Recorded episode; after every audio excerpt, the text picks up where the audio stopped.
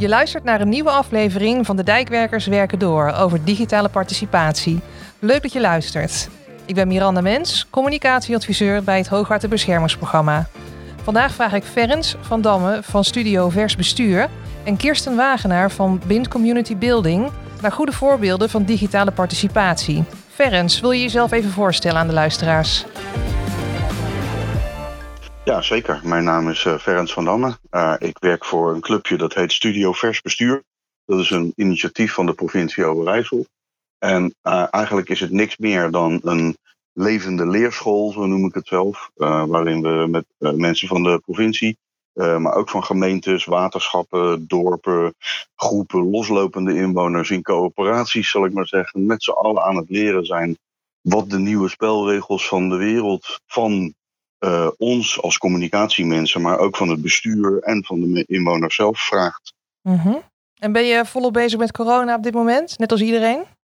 Ja, iedereen bij ons. Uh, we zijn natuurlijk massaal allemaal opeens overgegaan naar het digitale domein. En uh, dat brengt hartstikke veel voordelen en heel veel leerzame ervaringen. Um, maar ik heb er ook best wel kanttekeningen bij. Want wij zijn ook in Studio Vers Bestuur heel erg gewend om alles meteen te onderzoeken. We hebben ook een team onderzoekers in ons uh, kernteam zitten. En, uh, en dan zie je ook wel dat het digitale op zich nooit een, een doel kan zijn. Het is een middel natuurlijk. Hè? Mm -hmm. En in die middelenmix die wij gebruiken in communicatie, ligt nu heel erg de focus op het digitale, omdat we in dat COVID-19 gebeuren zitten. Mm -hmm. hartstikke nuttig. Maar ik denk dat het altijd goed is om vooral ook terug te gaan naar uh, de bron van waarom we de dingen doen die we doen. En dat zien we in onze praktijk heel erg terugkomen, dat dat stapje misschien iets te gemakkelijk wordt overgeslagen. De omdat mensen gewoon direct uh, aan het werk gaan. Ja, dus die waarom-vraag die, die is te belangrijk om snel aan voorbij te gaan. Nou ja, ik vind dus dat wij aan onszelf verplicht zijn als communicatieprofessionals om die waarom-vraag niet alleen onszelf te stellen, maar ook aan onze opdrachtgevers. Uh, want meestal, uh, ik zie dat bijvoorbeeld bij onze eigen volksvertegenwoordiging, die dan opdracht geven tot een heel participatief proces rondom bijvoorbeeld een omgevingsvisie of zo. Uh, uh, en dan eigenlijk niet verder doordenken dat als je dat echt van de mensen wil maken en mede-eigenaarschap wil creëren, dat dat dan ook iets betekent voor hun als volksvertegenwoordiging en voor de manier waarop je besluiten neemt en voor de spelregels van het hele proces. En ik denk dat daar in het algemeen uh, niet voldoende over wordt nagedacht aan het begin. En dan springen we dus meteen in het diepe, nu dan bijvoorbeeld op een digitale manier, om allerlei participatieprocessen in te richten. Ja, dan gaan we te snel naar het hoe, eigenlijk de hoe-vraag, in plaats van de waarom en de wie en de wat-vraag. Precies, wij, wij lopen in onze analyses als we een lerend partnerschap aangaan met een van onze, uh, of soms meerdere partijen, zeg maar, uh, binnen Overijssel dan lopen we eigenlijk die vier stappen af van waarom wil je dit eigenlijk? Weet je dat wel echt exact, heel precies? En, en dan komt de wat-vraag. Wat zijn dan exact de spelregels? En wie is er dan bij dit onderwerp en bij dit proces de baas? En wie bepaalt er wanneer het klaar is?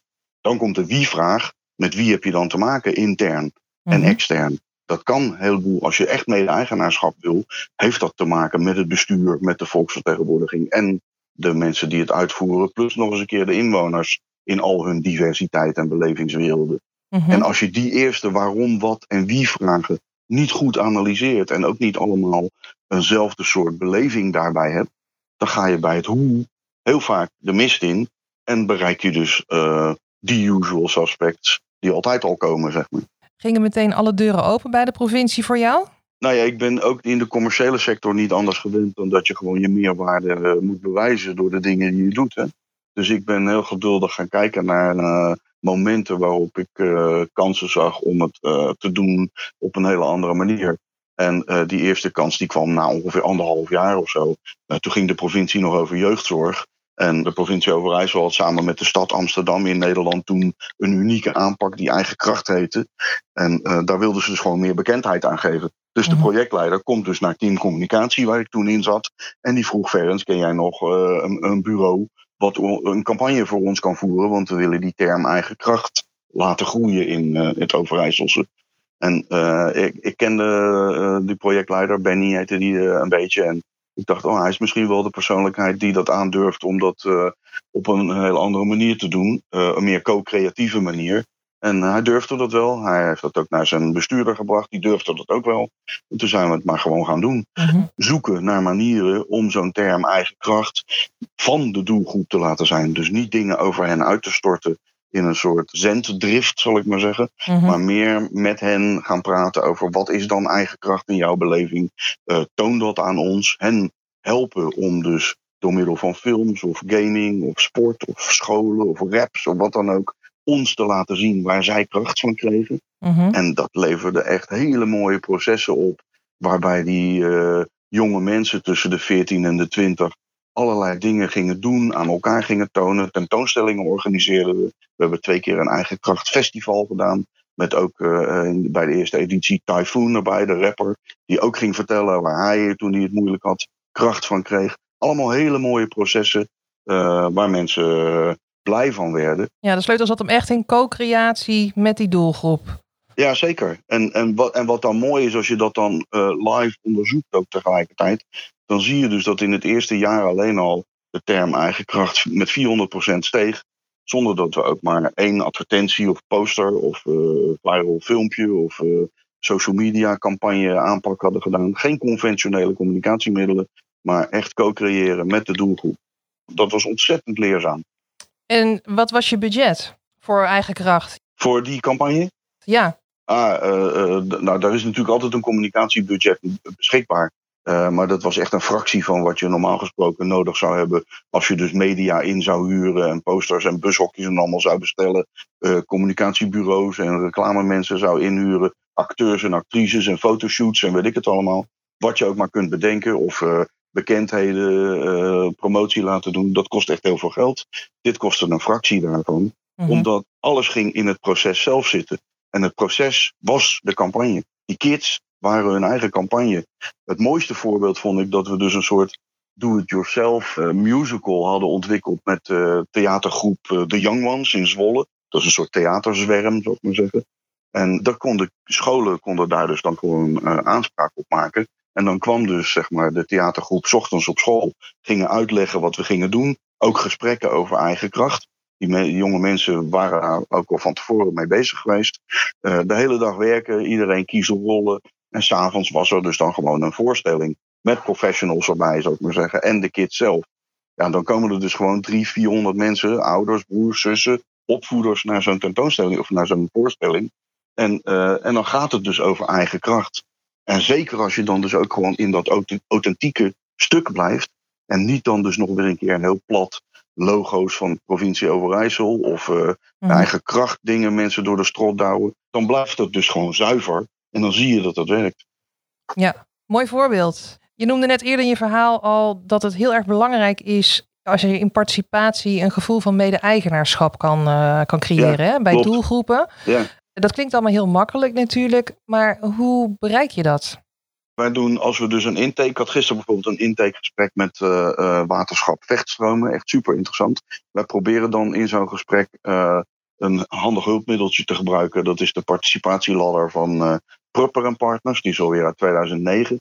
En die, die ladder die heeft heel duidelijk twee kanten. Aan de rechterkant de houding van de afzenders. Dat zijn dan dus in dit geval de provincie Overijssel of andere overheden. En aan de linkerhand aan de linkerkant echt daaraan gekoppeld, elke stap, de houdingen van de mensen, het volk, Mhm. de inwoners, zou ik maar zeggen. De mensen die we voorheen burgers noemden, zou ik maar zeggen. En, en, dan, en dan moet je volgens mij eh, helemaal aan het begin in die waarom-vraag supergoed nadenken over waar het proces waar je mee bezig gaat eh, zich zou moeten afspelen. Daar komt, daarom is die waarom-vraag ook zo belangrijk. Want als die ladder, die heeft dus zeven houdingen, die gaan dus van helemaal onder op de ladder, wat we nu meemaken in de COVID-19-tijd. Een, een hele autocratische overheid die gewoon bepaalt dat wij met z'n allen binnen moeten blijven. Dat, dat heet een gesloten autoritaire stijl. En helemaal bovenaan de ladder heb je de faciliterende stijl. En dan zijn de mensen dus de baas. De mensen zijn hun eigen bevoegd gezag. En daar zitten dan dus nog zes stappen tussen. Je moet dus heel goed nadenken over welk proces hoort nou eigenlijk precies op welke hoogte van die ladder. Want als ik het beeld heb als opdrachtnemer, als communicatieprofessional, dat een eh, roep tot participatie, oh dan denk ik dat zit in de bovenste helft van die ladder. Maar het blijkt uiteindelijk dat uh, mijn opdrachtgevers het bedoelden als iets wat in de onderste helft van de ladder zat. En dat mensen alleen maar wat input mochten geven, maar niet mee mogen besluiten. Ja, dan beginnen we al met een heel scheef begrip van waar zijn we nou eigenlijk mee bezig. Hoe kom je daarachter bij een opdrachtgever? Hè?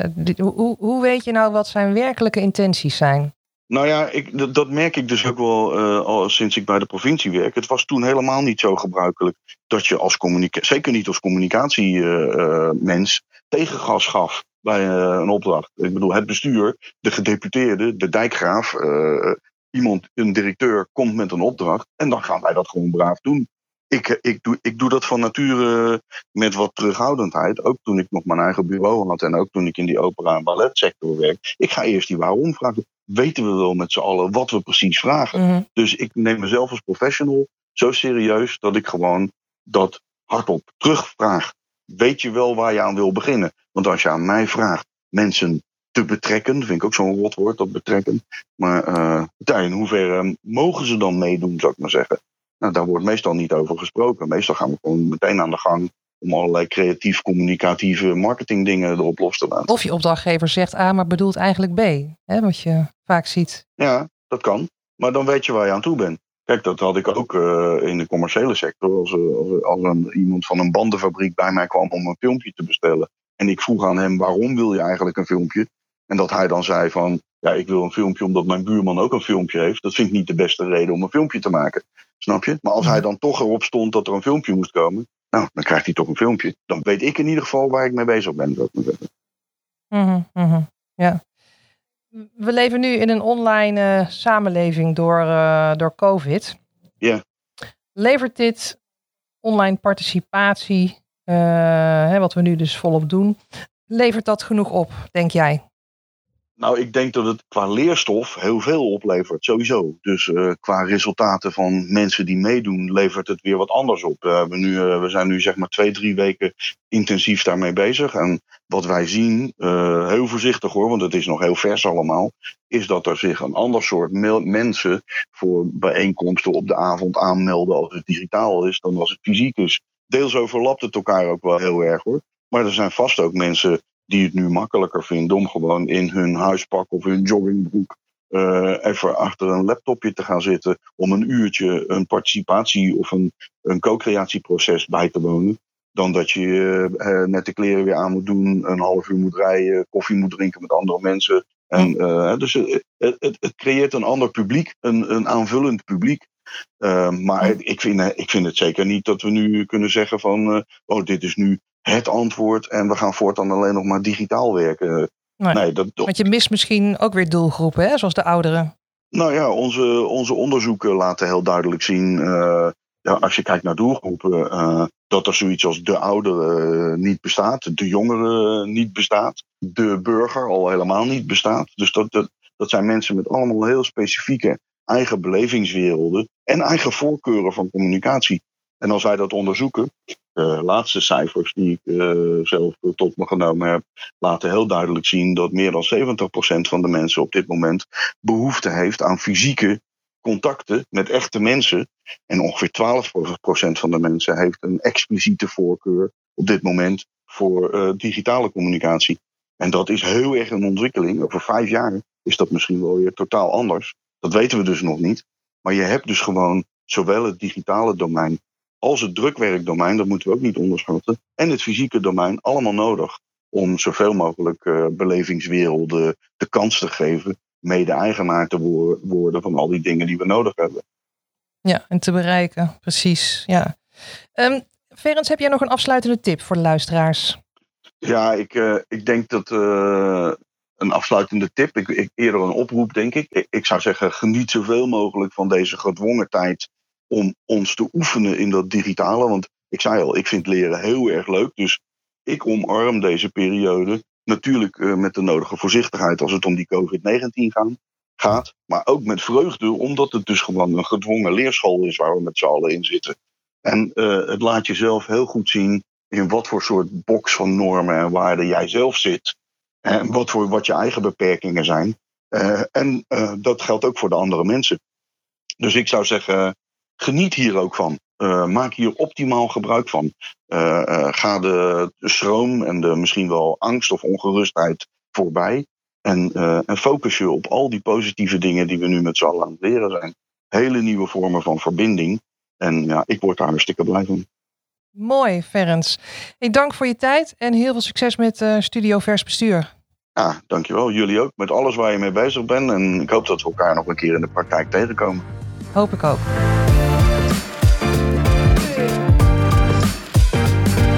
Leren is leuk, aldus Ferens van Damme. Daarom bel ik nu met Kirsten Wagenaar. Wat kan zij ons leren over community building? Kirsten, wat doe jij bij BIND? Ik ben in 2017 samen met Peter Staal BIND gestart. Een gespecialiseerd bureau voor community building en management. En daar eh, ben ik dus de eigenaar en uh, begeleid ik mijn uh, vijf collega's bij het doen van projecten voor zowel grote corporates als verenigingen en stichtingen. In heel veel verschillende branches. En daar ondersteunen we dus klanten bij het samenbrengen, het strategisch positioneren en het beheren van communities. Ja, en het zijn zeker drukke tijden voor jou.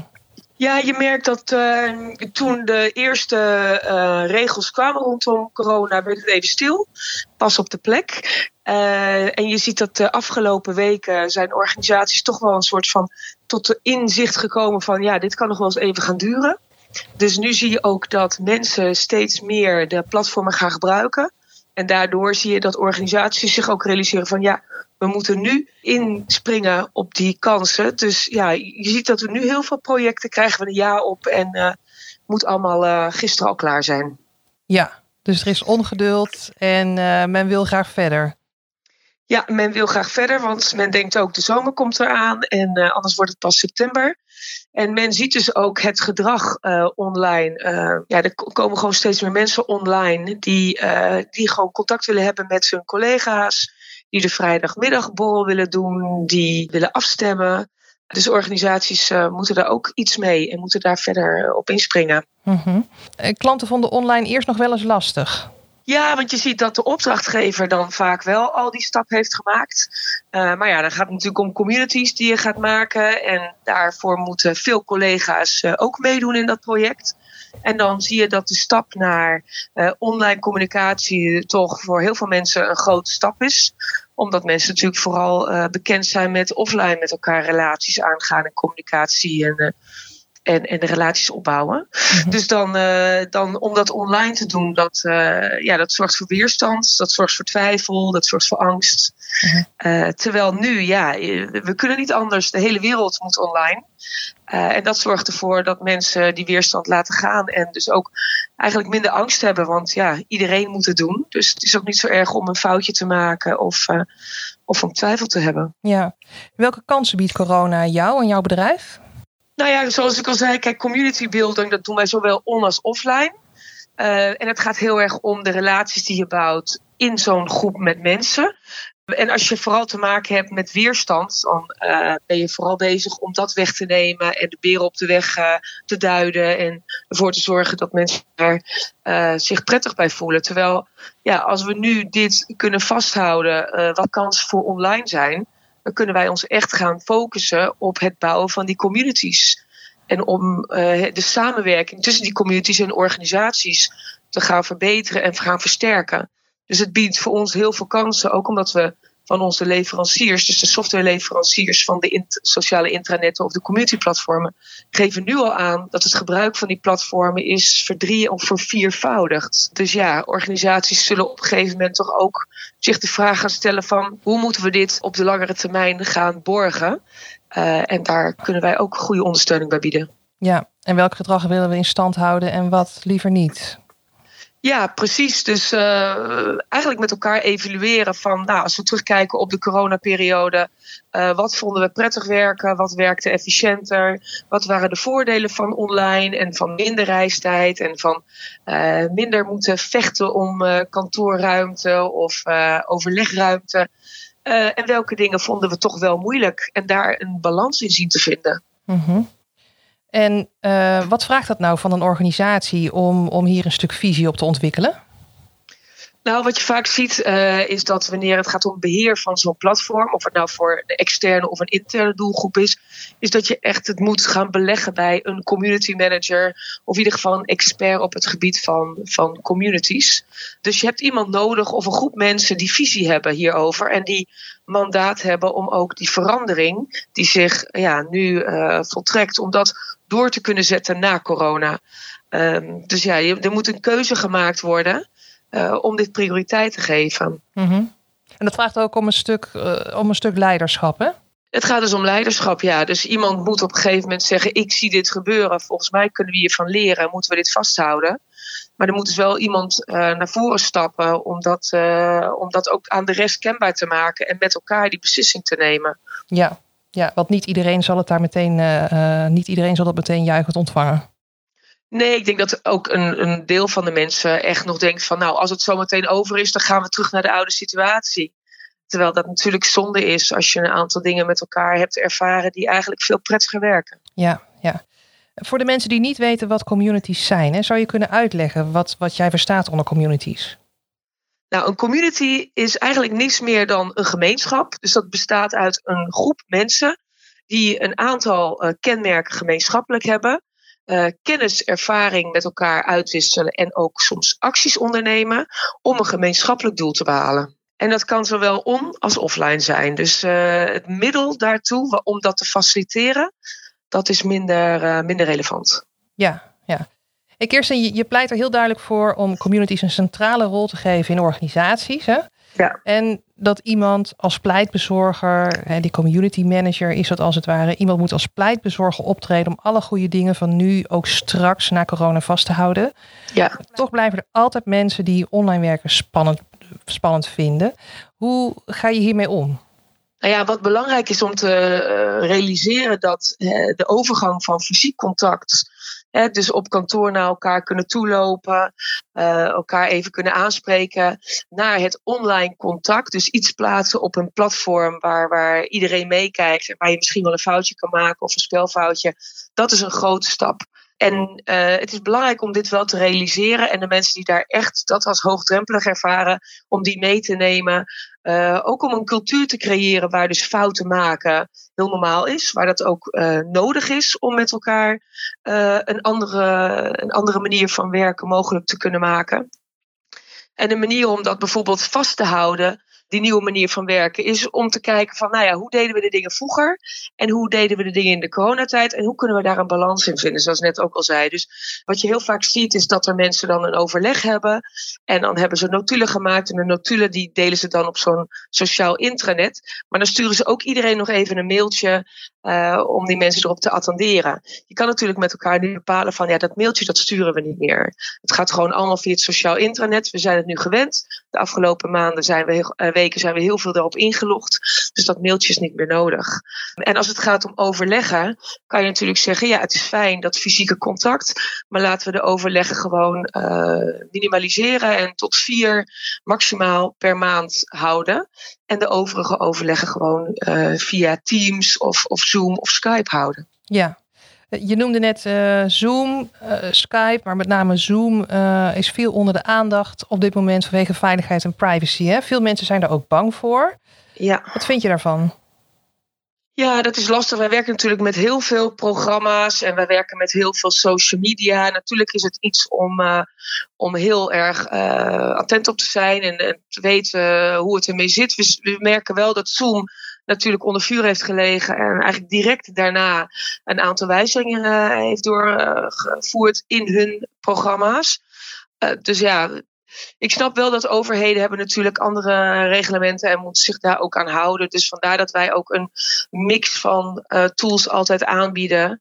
En kijken hoe strikt de regels zijn voor een organisatie. En ja, je moet daar gewoon wel aandachtig mee omgaan. Mm. Ja, maar het is ook jammer als we dit allemaal gaan terugdraaien, toch? Nee, en dat hoeft ook helemaal niet. En uh, kijk, Zoom die krijgt natuurlijk nu ook immense aandacht. Juist vanwege die situatie. Als je kijkt naar de community platformen die al ja, 20 à 15 jaar draaien, die zijn de afgelopen jaren zo veilig geworden, ook qua data en AVG, ehm, dat we ook deze platformen ja, die ruimte en die tijd moeten geven om inderdaad al die verschillende uh, lekken die ze dan misschien hebben, om dat op te lossen. En in de tussentijd kunnen we gewoon de, de Microsoft-oplossingen gebruiken voor organisaties die uh, vooral voor de overheid en ja, die daar wat striktere regelen, regels in voor hebben. Ja. Um, heb je nog een afsluitende tip voor onze luisteraars? Nou ja, de tip die wij uh, eigenlijk altijd geven, ook vanuit uh, BIND en, en ik ook als voormalig community manager, is uh, om dat community management echt de nodige aandacht te geven. En gelukkig zijn er al heel veel organisaties die het beheer van een platform goed beleggen bij iemand. Maar er zijn er ook nog heel veel uh, die gewoon niet zo goed weten wat dat community management nou eigenlijk behelst. Uh, en, en wat voor type persoon ze daarvoor nodig hebben. En dan ja, dan zie je dat het vaak een beetje tussen wal en schip valt. Dus uh, zorg gewoon dat je of iemand aantrekt, of iemand inhuurt, of iemand in de organisatie uh, uitnodigt of aanwijst om, om dat beheer uh, goed te gaan doen. Want ook uit de interviews die we deden met de, onze leveranciers, hoorden we dat vooral de organisaties waar het community management al goed is geregeld, dat daar de activiteit enorm toeneemt. omdat zo'n community manager natuurlijk de gespreksbegeleider is. En mhm. ook degene is die signaleert wat er nodig is uh, voor verdere ontwikkeling van zo'n platform. Dus uh, dat is mijn tip. Wat houdt het beheer eigenlijk in van zo'n community? Het beheer van zo'n community is, is heel breed. Dat zit aan de ene kant heel erg in het begeleiden van mensen om het platform goed te gebruiken. Het zit hem ook heel erg in het content, de content. Zorgen dat de content goed geplaatst wordt. Dat mensen toegang hebben. Dat er geen uh, rare dingen worden geplaatst. Dat alles duidelijk is. Maar het zit hem ook in training van mensen. Het zit hem in rapportage. Het zit hem in de organisatie meenemen. Dus het is vaak het schaap met de vijf poten. Dus uh, wat dat betreft is het altijd slim om het community management te beleggen bij niet één persoon, maar meerdere personen. Zodat iedereen vanuit zijn eigen vaardigheden en kracht die dingen kan doen uh, waar ze goed in zijn. En dat het dus ook minder kwetsbaar is uh, op den duur. Dus dat iemand nog eens een keer op vakantie kan gaan of van baan kan wisselen. Oké. Okay. Maar het is, het is een hele brede functie. Oké. Okay. Kirsten, dankjewel voor het gesprek en heel veel succes met Bind. Ja, heel hartelijk dank en uh, tot ziens. Communities kunnen niet zonder kartrekker en omarm deze coronaperiode vooral om nieuwe dingen te leren. Je luisterde naar de lessen van Ferens van Damme en Kirsten Wagenaar over online en offline communities. Wil je reageren? Praat dan mee via hashtag Dijkwerkerspodcast of stuur je reactie naar podcast.hoogwaterbescherming.nl.